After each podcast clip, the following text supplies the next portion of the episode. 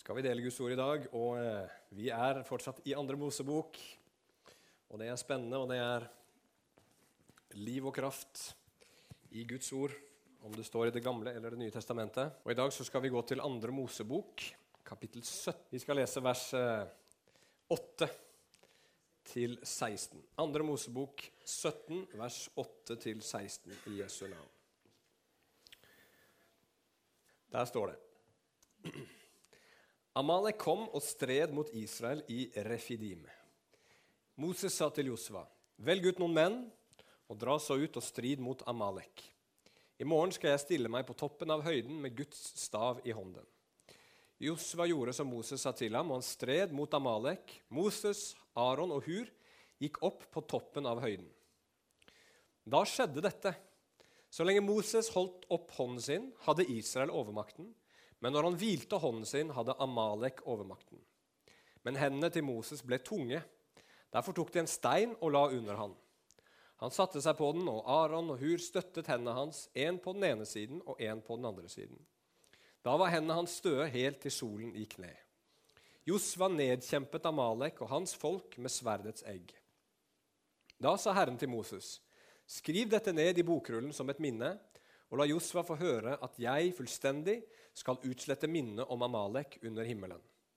Moses bygde et alter og kalte det med navnet 'Herren er mitt banner'. Han sa, 'For en hånd er på Herrens trone. Herren skal stride mot Amalek fra slekt til slekt'. Ja, kjære himmelske Far, vi, vi trenger deg virkelig i dag, Herre. Igjen som vi gjør hver eneste søndag, ja, hver eneste dag, Herre. Vi lever ikke bare som kristne på søndag, Herre, men vi lever som kristne hele uka, Herre. Nå ber vi i Jesu navn om at du skal tale til oss gjennom ditt levende ord. Herre, om at du skal levendegjøre denne historien, Herre. Hjelp oss til å se at dette her er et budskap for oss, Herre. Dette er et budskap til våre liv. Dette er et budskap til din menighet også i år 2019, Herre. Dette er levende ord. Dette er kraftfulle ord. Dette er ord ifra himmelen. Dette er ikke menneskeord, Herre. Men det er ord som du ved din ånd har inspirert, som du med din ånd, Herre, har gitt oss, og som du også med din ånd gjør levende i våre hjerter. Herre, så vi bare ber om hjelp nå. Hellige Ånd, kom og virk i hjertene våre, så vi kan se deg, Jesus. Så vi kan få møte deg, Jesus. Så vi kan bli berørt av deg, Gud. Så du kan gjøre noe i våre liv, Herre. Vi ber om det Jesu navn. Vi trenger deg i dag, Herre. Så kom og hjelp meg til å tale, Herre. Og hjelp oss alle til å ta imot i Jesu navn. Amen. Ja, vi er uh, midt i Israels ferd ut av Egypt og gjennom ørkenen. Og Der har de hatt en del problemer underveis, som vi sikkert husker fra de tidligere søndagene. Og problemene er ikke over. I dag så opplever de, etter at de har opplevd både vannmangel og matmangel, også at de blir angrepet av et folk som her kalles for Amalek. Amalek det var navnet på stamfaren deres. Og Han var en etterkommer av Esau, faktisk, så dette var slekt, fjerne slektninger egentlig da av Israel. Eh, og som kalles andre steder i Bibelen for amalekittene. I hvert fall så går det bra. Israel seirer i kampen. Og Vi skal prøve å se på denne historien og se hva vi kan lære av den. Så Tittelen i dag det er 'Den gode striden'. Og så skal vi høre for det første at det er en kamp mot Guds folk. Og for det andre at den kampen må kjempes. Og til slutt, punkt nummer tre, er 'seieren er vår'. Amen. Så vi skal se på at det er en kamp mot Guds folk, at kampen må kjempes, og til slutt at seieren er vår. Vi begynner med punkt nummer én. En kamp mot Guds folk. Så Israel ble altså angrepet av disse amalekittene. Og Da må vi jo stille spørsmålet hvorfor angrep amalekittene Israel? Vel, Det er ikke så veldig lett å finne noe tydelig svar på det, men det er noen små hint i Bibelen. Eh, for det første så er det veldig tydelig at Israel ikke hadde gått inn på deres område. Amalekittene bodde sør i Kanaan, Eh, mens Israel nå her var kanskje antageligvis en plass på Sinai-halvøya. Så de hadde liksom ikke trengt seg inn på deres enemerker, sånn at de opplevde eh, dem som en trussel som de måtte forsvare seg mot. Eh, I tillegg, hvis vi leser i 5. Mosebok, kapittel 25, i slutten der, så står det at Eller Moses snakker om denne episoden, så står det at da Amalek kom, så, så angrep de baktroppen til Israel. Ja, det vil si de som hang etter. ikke sant? Det var de svake, det var de gamle, det var de syke, det var kanskje barna. Der satte Amalek inn angrepet sitt. Eh, og da er det klart da var ikke dette her en forsvarskrig. Dette her var for å plyndre, og dette her var for å drepe. Og så, når Vi ser også her i vers 17 eh, så får vi enda et hint til hva det er som foregår her. Nemlig, eh, unnskyld, vers 16. Der, der står det Han sa altså Moses, for en hånd er på Herrens trone. Herren skal stride mot Amalek fra slekt til slekt. For en hånd er på Herrens trone. Dette kan også oversettes. Det er litt vanskelig å vite helt nøyaktig hvordan man skal oversette og tolke det her. Men det kan, det kan også oversettes en hånd er vendt mot Herrens trone. Så står det Herren skal kjempe mot Amalek til evig tid. Med andre ord, Amaleks hånd var vendt ikke bare mot Israel, men mot Gud selv. Det som skjer her, er at i denne striden mot Amalek i Refidim så er det et angrep ikke bare på et folk som var ute på vandring, men det er et angrep på Guds folk, og det er et angrep på Gud. Amalek er drevet av mørke og onde krefter og går til angrep på Guds folk. Og For de av dere som har lest Bibelen, og det håper jeg er de fleste her, så vet dere at dette her er ikke siste gangen at Israel blir angrepet. Det skjer gang på gang på gang på gang gjennom Bibelens historie. Og etter at måte, Bibelens historie er over og, eh, og, jødene har blitt et eh, folk uten land, så har forfølgelsen av jøder vært nesten kontinuerlig fra århundre til århundre. Og Hvorfor er det sånn? Hvorfor har jødene blitt angrepet hele veien? Hvorfor har de gått gjennom alt det de har gått gjennom, all den lidelsen de har erfart, selv fra oss kristne som har forfulgt jødene opp igjennom? Jo, Bibelen forklarer det med at det fins en ond makt i denne verden. Det fins en djevel. Det fins onde krefter som fører krig mot Guds folk. Og Det gjelder Israel i Det gamle testamentet, det gjelder Israel i dag. Men det gjelder også Guds menighet. Det gjelder oss som har kommet inn og blitt poda inn i Israel, som det står i Bibelen. Blitt Guds folk, vi også, fra alle stammer og folkeslag. Også vi er eh, blir angrepet av disse onde kreftene. Og det raser en kamp i dag på veldig mange nivåer. Hvordan da? Vel, det som er jo det enkleste å se, er jo det at det er forfølgelse. Eh, Åpne dører de gir hvert år, år ut en sånn oversikt over hvilke land i verden det er vanskeligst å være kristen i. altså hvilke land det er mest forfølgelse i. Og På toppen til lista til Åpne dører så står, det, eh, står Nord-Korea. Afghanistan på andreplass, hvis jeg husker riktig. Men det som var oppsiktsvekkende i år, det var at det var 245 millioner kristne i verden i 2018 som ble forfulgt for sin tro. Mens i 2017 så var det bare 215 millioner. Det vil si at I løpet av det siste året så har 30 millioner flere kristne blitt forfulgt. Det er ganske heftig. 30 millioner mennesker flere har erfart å bli forfulgt for sin tro i 2018. Så det er tydelig at den onde er på ferde og ønsker å ødelegge og undertrykke Guds folk. Men det er ikke den eneste framgangsmåten han har. Det skjer også gjennom det som vi kan kalle for forførelse. Ikke bare forfølgelse, men også forførelse. Og Det er det som har skjedd, tror jeg, i stor grad i vår del av verden de siste tiårene. Ikke så mye forfølgelse sånn direkte, men mye forførelse. Og det vil si at man forsøker, at Djevelen forsøker å lede oss Guds folk steg for steg for steg bort ifra Gud, både i vår lære, hva vi lærer om Gud, og i hvordan vi lever for Gud. Og Det har skjedd gjennom at man har ufarliggjort ting. Det er ikke så farlig, det er ikke så nøye. Det har skjedd gjennom verdens anerkjennelse og smiger. Og bare dere blir litt mer sånn som oss, så skal vi like dere mer. Gjennom tankeløshet og latskap blant oss kristne. Vi er ikke så ivrige som tror jeg våre, mange av våre forfedre var, med å lese Bibelen, med å sette oss inn i hva det er vi tror på, tenke grundig gjennom. Vi lever mye mer etter følelser i dag enn det våre kristne forfedre gjorde. Det fins sterke påvirkningskilder, som mediene i dag. Og ikke minst så har det alltid vært sånn at djevelen han sender inn sine ulver i fåreklær, som sprer både falsk lære og splittelse blant de kristne. Og Når djevelen angriper på den måten der, så er det, er det liksom ikke, det er ikke et frontalangrep. Hvis du angriper et land eh, og liksom går massivt med hæren din rett imot det andre landets hær Det er ikke sånn det foregår her. Dette her er mer som om man, om man skulle forsøke å, å, å, angripe og slå et land ved å forgifte drikkevannet deres med bare litt gift. Sånn at liksom hele landet bare blir litt svakere for hvert år som går. Og til slutt så er de så svake at man kan ta landet uten problemer. Det er det djevelen holder på med. Han vil bare svekke litt etter litt Guds folk her i Vesten. Den onde han holder også på og forsøker å ødelegge deg individuelt. Han vil ødelegge ditt liv gjennom fristelser, gjennom synd, gjennom motløshet, gjennom stolthet, gjennom all slags mulige ting. Og ikke nok med det, denne onde kraften i verden, djevelen, han er ute etter å føre krig mot hele menneskeheten. Han vil hindre alle mennesker. De som ikke ennå tror, vil han hindre i å komme til tro. Han vil hindre dem i å komme inn i Guds rike. Derfor så forfører han, derfor så skaper han all slags mulige utfordringer og vanskeligheter i verden for at så få som mulig skal bli frelst. Derfor er det noen mennesker som han forfører inn i materialisme og, og, og, og rikdom, sånn at de ikke skal tenke på Gud engang. Andre mennesker forfører han med inn i, i, i seksuell løssluppenhet og pornografi for å dra mennesker bort fra Gud og få dem til å tilbe eh, sex istedenfor. Han gjør det gjennom fattigdom, han gjør det gjennom total, totalitære regimer, han gjør det gjennom krig, undertrykkelse, all slags mulige måter. Alt dette gjør djevelen med én, ett mål for øye.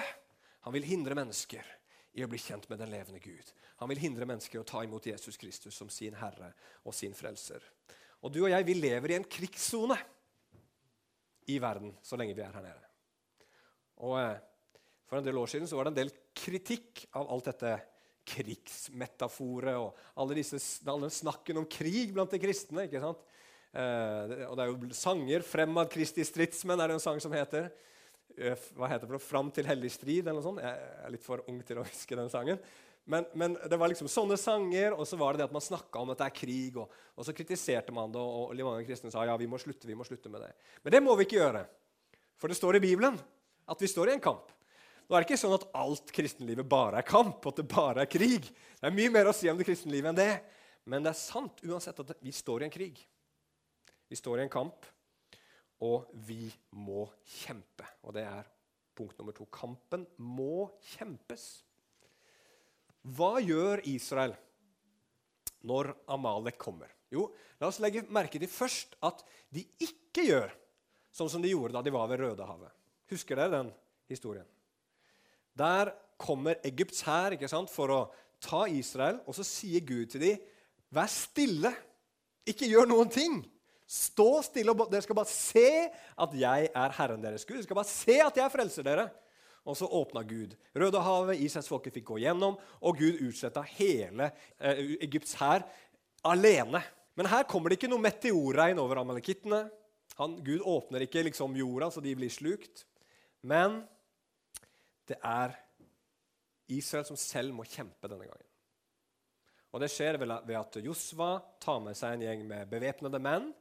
Og Så skal Moses opp på en høyde og så skal han ta Guds stav i hånden. Det var den staven han brukte skulle, eh, som Gud brukte å, eh, som han brukte når Gud skulle gjøre mirakler. og Så skulle han holde den oppe på en høyde i nærheten. Og Det er jo lett å forstå hva Josfa skulle gjøre. Vi skjønner jo at Josfa, han og gjengen hans de skulle slåss. ikke sant? Men hvorfor i all verden skulle Moses stå der og holde denne staven opp i lufta? Hvorfor, skulle, hvorfor, var det sånn at når han holdt den oppe, da gikk det bra for Israel? Men med en gang han liksom senka armen sin, kanskje fordi han var sliten, eller fordi at, uh, det gikk så bra uh, med Israel han tenkte ja, nå er det greit, så fikk amalekittene overtak istedenfor. Hvorfor var det sånn?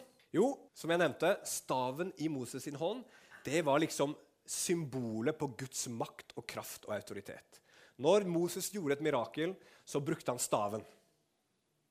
Og det Moses gjør nå, det er at han løfter staven opp og så sier han til Gud Gud, som du var med oss da du fridde oss ut fra Egypt, som du var med oss da, da vi mangla mat, som du var med oss da vi mangla vann, må du være med oss nå og hjelpe oss. Denne staven som Moses løfta opp, det var en bønn til Gud. Han kalte på Gud, kalte på Guds hjelp. Og når han løfta staven og sa, 'Gud, vi trenger deg! Hjelp oss!' så fikk Israel kraft, og de vant i striden. Men med en gang han senka staven og tenkte nå går det bra, nå klarer vi oss, da mista Israel overtaket. Jo, Moses han sto der oppe, og så ba han. Hva forteller dette her oss? Jo, dette forteller oss at vi, vi må kjempe. Vi må kjempe. Selv om Gud en gang redda Israel uten noen egeninnsats fra deres side, så betydde ikke det at de var frikjent fra å, eller fritatt fra å kjempe i all framtid. Noen ganger så måtte de kjempe selv. Og fordi om Gud har seira for oss gjennom Jesus Kristus, så betyr ikke det at vi som kristne ikke kommer til å møte strid, og at vi ikke noen ganger også selv er nødt til å kjempe. Og Dette her står veldig klart og veldig tydelig i Det nye testamentet. Dere kan gjerne slå opp i Bibelen deres i Efeserbrevet kapittel 6, og så skal vi lese noen vers der. Efeserne 6, Vi skal lese fra vers 10 til 18. Her står det om den kampen vi kjemper. Der skriver Paulus.: Til slutt, mine søsken, bli sterke i Herren og i Hans veldige kraft. Ta på dere Guds fulle rustning, så dere kan være i stand til å stå imot djevelens listige knep. For vår kamp er ikke mot kjøtt og blod, men mot maktene, mot myndighetene, mot verdens herskerne i denne tidsalders mørke, mot ondskapens åndelige hærskarer i himmelrommet. Ta derfor Guds fulle rustning på, for at dere kan være i stand til å stå imot på den onde dag og bli stående etter å ha vunnet seier i alle ting. Stå derfor fast, med sannheten ombundet om livet, iført rettferdighetens brynje og ombundet på føttene med den beredskap til kamp som fredens evangelium gir. Ta framfor alt troens skjold. Med det er dere i stand til å slukke alle de brennende pilene fra den onde og ta frelsens hjelm og åndens sverd, som er Guds ord. Og be hver tid og stund med all bønn og påkallelse i ånden. Slik skal dere være våkne med all utholdenhet og påkallelse for alle de hellige. Vi skal ikke bruke veldig masse tid på å legge ut hele den teksten, her, men jeg har lyst til å bare løfte fram noen poenger som har å gjøre med den kampen som du og jeg er kalt til å kjempe. For det første vår kamp er ikke mot kjøtt og blod. Ikke mot kjøtt og blod. Når vi leser denne historien her ikke sant, om Amalek, som var et folkeslag Det var mennesker av kjøtt og blod. Så får vi litt problemer. Sant? For det første så tenker vi hvordan, hvordan, kan den Gud som vi leser om her i Det gamle testamentet, som hjelper Israel til å utslette et folkeslag, være den samme Gud som sendte Jesus i Det nye testamentet for å frelse alle folkeslag? Han utrydder et folkeslag i den ene, i den ene liksom, boka, og i den andre så kommer han selv for å dø for det folkeslaget. Hvordan kan vi få dette her til å henge sammen? Jo, det er nok ganske enkelt, tror jeg. Hva er Guds plan? Jo, Guds plan har hele tiden vært at han vil frelse alle folkeslag. Han vil frelse alle mennesker. Fra de fjerneste kyster, står det om i, i Det gamle testamentet. Han vil frelse alle.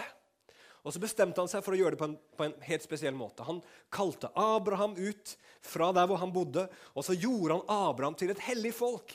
Israelsfolket, for at gjennom det folket, gjennom det folkets kultur, gjennom det folkets forståelse av Gud, gjennom det folket som, som kjente Gud, som han hadde lært seg selv å kjenne, skulle Jesus bli født. Og ut av det folket skulle Jesus komme, og så skulle han leve, så skulle han dø, og så skulle han oppstå til frelse for alle mennesker. På dette tidspunktet her så har ikke Jesus ennå kommet. På dette tidspunktet her så står og faller Jesu komme og frelsen for alle mennesker på at dette folket her overlever. Hvis amalekittene kommer her og tar livet av Israel, ja, da blir det ikke noe israelsfolk, og det blir ikke noe Jesus heller. Derfor så var dette angrepet på israelsfolket et angrep på Guds frelse. Henger dere med? Og Derfor så må Gud stoppe disse fysiske fiendene til Israel og forsvare sitt folk fysisk for at den frelsen som er ment å komme ut til alle folkeslag, skal bli det som han har tenkt. Så det er et bilde i Det gamle testamentet. Hele veien så ser du Det finnes sånne folkeslag som Gud dømmer. Det finnes sånne folkeslag som, som på en måte skal bli utrydda osv. Det er hele veien et bilde på djevelens angrep på Guds plan for å frelse menneskene. I Det gamle testamentet ble det synlig gjennom folkeslag. Men i Det nye testamentet så er det synlig på andre måter, nemlig gjennom at de onde kreftene som står bak, de er våre fiender. Nå står ikke verdens frelse på spill lenger om kristne blir forfulgt for sin tro. Når kristne blir drept for sin tro, så betyr ikke det at da kan hele frelsesplanen til Gud gå i vasken pga. det. Ikke sant? Det betydde det på denne tiden her, men det betyr det ikke lenger nå. Noen ganger er det til og med sånn at når Guds folk blir drept for sin tro, så styrkes menigheten, og så går Guds rike fram. Og Da er det helt tydelig og helt klart i Det nye testamentet at våre fiender er ikke mennesker av kjøtt og blod. Våre fiender er ikke mennesker, uansett hvilken religion de tilhører, uansett hvor de kommer fra i verden, uansett hva de mener om oss. Om de hater oss, så er ikke de våre fiender.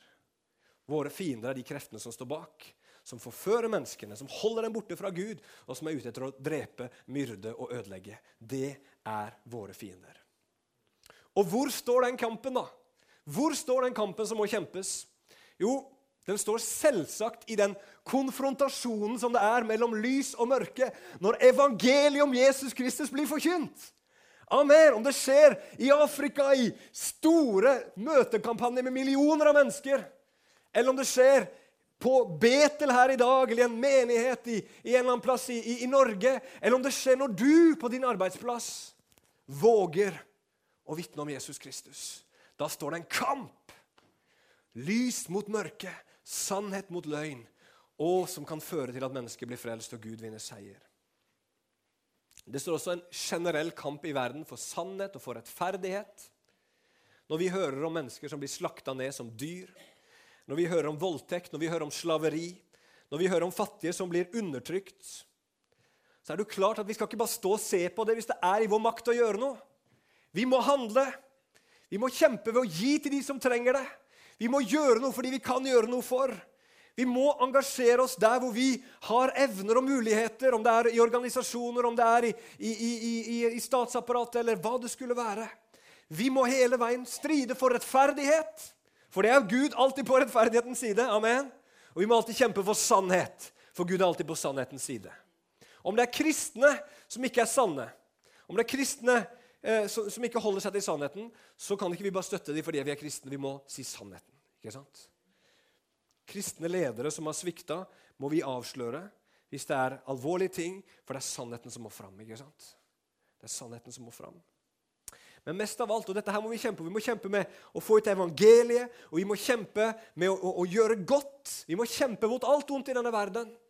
Men mest av alt så tror jeg kampen står i våre sinn. Og det er det Paulus snakker om her også. Hvis djevelen kan lamme deg med frykt, sånn at du ikke gjør noen ting Hvis han kan ta fra oss motet, sånn at vi slutter å gjøre noe Hvis han kan svekke vår tro, så vi ikke lenger har noe budskap Hvis han kan lure oss til å tro løgnen, så han kan få fanga oss inn i sine snarer Hvis han kan få vårt fokus over på denne verden, sånn at vi glemmer å kjempe for den som kommer, da har han lykkes. Dere ser at Den kampen som vi kjemper i det ytre, den begynner først og fremst på innsiden av oss. Det er ingen som forkynner evangeliet hvis de allerede har tapt kampen på innsiden og mista motet. Det er ingen som kjemper for det gode og for sannheten hvis de allerede har gitt opp på innsiden. Derfor står kampen inni oss, og den onde han kommer med sine brennende piler. Og da må vi kjempe imot, kjære brødre og søstre. Vi må ikke bare la kveldene våre fly av gårde foran TV-skjermen. Vi må ikke bare la de mulighetene som blir gitt oss i hverdagen til å vitne om Jesus, bare gås hus forbi. Vi må ikke bare la Bibelen ligge ulest og nedstøva på hylla vår. Vi må ikke bare la tankene våre invaderes av verdiene fra denne verden. Vi må ikke bare la dette norske samfunnet gå dukken, selv om det ser mørkt ut. Vi må heller kjempe. Og viktigst av alt og det som Moses gjorde, og det som vi ser Paulus prate om her også Vi må kjempe i bønn. Vi må kjempe i bønn. Og Denne historien her forteller oss hvor viktig bønn er. Josva og den gjengen han hadde med seg, var sikkert gode krigere. De sloss sikkert med all sin makt og all sin kraft. De gjorde sikkert sitt beste der på, på stridsmarken. Men så lenge Moses' sin stav var nede, så lenge Moses ikke ba til Gud, og søkte Guds hjelp, så nytta det ikke hvor hardt de, de, de, de slo og de, kjempa. Det var ikke vits. Det hjalp ingenting. Så lenge vi roper til Gud, så får vi kraft. Men hvis vi ikke gjør det, så all vår svette og alt vårt arbeid forgjeves. Kjære brødre og søstre, vi må be. Og Vi må be for vårt land, vi må be for vårt nærområde, vi må be for våre familier, vi må be for våre egne liv, vi må be for vår menighet. Vi må be for de som, eh, som ikke kjenner Gud. Men dere vet, akkurat som meg, at bønn, det er slitsomt. Det er ikke så lett, er det det? Det er en kamp for bønnen. Og Moses han sto der og han begynte. ikke sant? Han, nå skal jeg stå her og holde denne staven opp til israelsfolket har vunnet. Men så ble han sliten. Så ble det tungt å stå der. Så måtte de sette en stein under han. Ikke sant? Da fikk han sitte. Så det er lov å sitte mens du ber, for de som lurte på det. Og Så satt han der og så holdt han staven opp, så ble han bare fortsatt sliten. sliten. Og så kommer Aron, så kommer de i hur, og så hjelper de han med å holde denne staven oppe. Og så klarer de det sammen. De klarer sammen å holde denne staven oppe. Sammen så lykkes de. Hva forteller det oss? Jo, bønn det er slitsomt, det er krevende. Men når vi ber sammen, når vi står skulder til skulder, når vi kjemper sammen i bønn, da får vi kraft og da får vi hjelp, og da blir vi stående. Og Derfor er det så viktig her på Betel at vi har bønnemøte faktisk nesten hver eneste dag i uka. Det er bare mandagen vi ikke ber på, for vi ber her hver søndag også. Og det gjør vi ikke hver for oss, men vi gjør det sammen, for vi trenger hverandre. Vi trenger hverandre for å be. Og vær med på det. Bli med og strid sammen med oss i bønn. Så vi må kjempe. Vi må kjempe. Men heldigvis så står ikke seieren på oss, for seieren er allerede vår. Det ble seier for Israel. De vant til slutt. De vant ikke ved sverdet, det var jo helt tydelig. Men var det denne armen til Moses da, som redda dem? Nei, det var ikke Moses sin arm heller, men det var med Guds arm. Amen. At de vant, at de vant seier over Amalek. Og Derfor så bygger de et alter for å takke Gud i vers 15, og så kaller de det 'Herren mitt banner'. Og Banneret det var liksom det merket man løfta opp i strid, som fortalte hvilken hær dette var. Hvem var det som, hvem var det som, sto, hvem var det som sto her, og hvem var det som leda denne hæren ut i kamp? Det sto på banneret. Og nå sier Israelsfolket vi er Herrens folk. Vi er Herrens hær. Og han var den som leda oss til seier. Det var det de gjorde. Derfor takka de han, derfor priste de han ved å bygge et alter og tilba han der.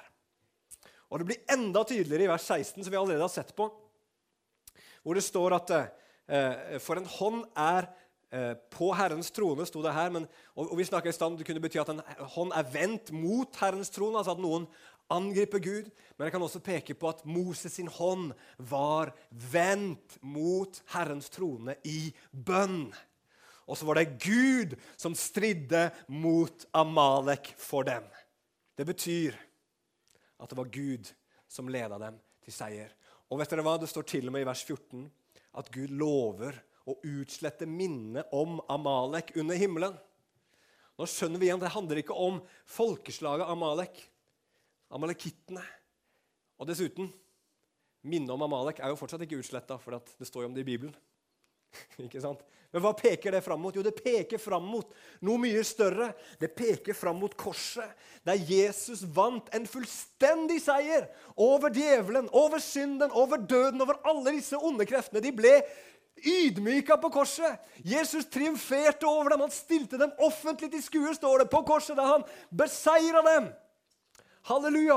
Og den seieren den var fullstendig på det tidspunktet. Og en dag skal den seieren bli så synlig, den skal blomstre så fullstendig, at bare minnet om ondskap, minnet om døden, minnet om synd, minnet om all den elendigheten som vi går gjennom her nede på jorda, den skal være utsletta til evig tid. Halleluja! Vi står i en kamp, ja, men Jesus har allerede seira. Seieren er vår. Og Det er derfor tror jeg at Paulus kaller denne striden Han sier det til, Paulus, nei, til Timoteus. unnskyld, Strid troens vonde strid. strid troens gode strid, ja. Hvorfor det er en god strid? Jo, for det er en strid for det gode. ikke sant? Når vi kjemper med Gud, så kjemper vi for sannhet, vi kjemper for rettferdighet, vi kjemper for frelse. Det er noe det er verdt å leve for, det er noe det er verdt å dø for, det er noe det er verdt å, å bruke krefter på en del mer enn å se gjennom en hel serie på Netflix, f.eks. Striden er også god, at når vi strider den striden, så sto det, som vi leste i Efeserne 6 og vers 10, at vi blir sterke i Herren og i Hans veldige kraft. Og jeg tenkte litt på det. Hva betyr det at vi blir sterke i Herren i Hans veldige kraft? Er Det liksom bare, jeg tenkte, det er sånn fort å tenke på at dette her er liksom bare en sånn der, et sånt lite påfyll med litt, litt ny kraft. ikke sant? Som når du, når du, når du, når du, Eh, når du våkner opp om morgenen og liksom får i deg frokosten og litt kaffe, og så kjenner du bare uh, Nå kjenner jeg meg bedre. I hvert fall noen dager er det sånn. Eh, er det liksom sånn at vi bare får den der liksom følelsen at uh, her er det litt mer uh, her er det litt å hente? Eller er det det, og det tror jeg det er, at når vi lever med Gud, så finner vi kraften ikke bare at liksom Gud fyller oss med et eller annet, men at vi har samfunn og fellesskap med Gud. At det er ved at vi lærer han å kjenne mer og mer og mer. Og det er sånn Når du står i strid, når du står i kampen, hva skjer da? Jo, da begynner vi å rope til Gud. Vi begynner å søke Gud. Vi merker at vi trenger hjelp. Hjelp, Gud! Hjelp, Gud! Jeg trenger deg! Og så får vi komme nærmere Gud, og så får vi lære han bedre å kjenne. Og så blir det større glede, større kraft og større frimodighet i livene våre fordi vi lever tett på Han. Og Derfor er det en god strid, kjære venner. For at når vi kjemper for Jesus, så kommer vi nærmere Jesus. Ikke at det er kampen selv som gjør det, men vi som trenger han. Og da lærer vi Han bedre å kjenne. Halleluja, Så det er en god strid. Og så er det en god strid til slutt fordi, som jeg sa og, og, og, og har sagt flere ganger, at seieren er allerede vår. Så lenge vi står under Jesu banner, så lenge vi står under den han er og den han har gjort, så lenge vi skjuler oss i han og tror på han, så kan vi ikke tape. Vi kan ikke tape. Ryktet ditt kan bli ødelagt hvis du følger Jesus. Det går an å miste venner, det går an å miste sin familie. Vi kan oppleve uro, vi kan oppleve utfordringer. Vi kan miste våre eiendeler, vi kan til og med miste våre liv. Og Et bilde som jeg ser for meg, det er det som kanskje noen av dere så eh, en, en video som den islamske stat lagde for en del år siden. Hvor de hadde tatt med seg et antall kristne menn kledd i oransje. De selv var kledd i svart, som er islams farge. Og Så tok de dem med til en strand tror jeg det var en plass, for å henrette dem og, og skar over strupene på dem. Jeg har bare sett bildene, jeg har ikke sett selve videoen. jeg har ikke lyst til å se den heller. Men der står disse islamistene ikke sant? og så tenker de vi vant, vi seira, vi knuste disse kristne. Det er islam som skal seire til slutt. Men når vi ser på det der, når vi ser mennesker som ikke akter sitt liv for noen ting, som seirer ved at de ikke, at de ikke anser sitt liv som det viktigste, men Jesus som det viktigste da vinner de seier. Og som det står i Romerne 8,37 I alt dette, og da nevner han nettopp det at det er nakenhet, og det er sverd, og det er forfølgelse og det er problemer, så sier han i alt dette skal vi mer enn seire ved Han som elsket oss. Halleluja. Og det har ingenting å si om du føler deg liten. Og det har ingenting å si om du er svak. Har ingenting å si om ikke du føler deg dyktig nok. Det er ingenting å si om livet ditt er fullt av problemer og vanskeligheter akkurat nå. Om du kanskje har vært lunken i ditt liv med Gud så langt. Det har ingenting å si om du ikke engang kjenner Gud ennå, og ennå ikke har tatt imot Jesus. Det har ingenting å si om du har synda på veien, så lenge du kommer nå og stiller deg under hans banner. I tro bekjenner hans navn, vender om fra verden og sier, 'Jesus, du er min hærfører, du er min frelser, du er mitt liv.' 'Jeg vil stole på deg. Jeg er ikke sterk, jeg får det ikke til.' 'Jeg har ikke det som trengs, men du, Jesus, er mitt seiersbanner.' 'Du, Jesus, er den som har seira for meg, og jeg stiller meg under deg.' 'Jeg stiller meg i deg, Kristus.' Og Da står det så fantastisk bra i 1. Johannes, og vi skal avslutte med det, kapittel 5, vers 4-5. For alt det som er født av Gud, seirer over verden. Og dette er den seier som har seiret over verden, vår tro. Hvem er den som seirer over verden, om ikke den som tror at Jesus er Guds sønn? Hvorfor er det sånn? Jo, fordi Jesus allerede har seira. Amen.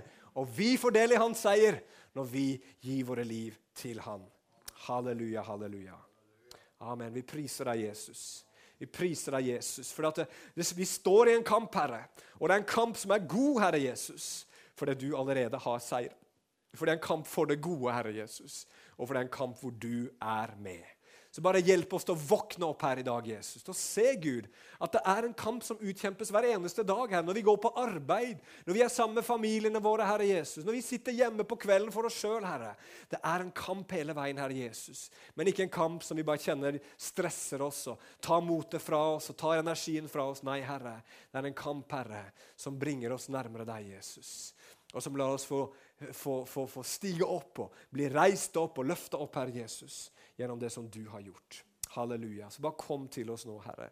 Kom til oss nå, Herre Jesus, og oppmuntre oss til alle sammen her å stride troens gode strid i Jesu navn. Amen.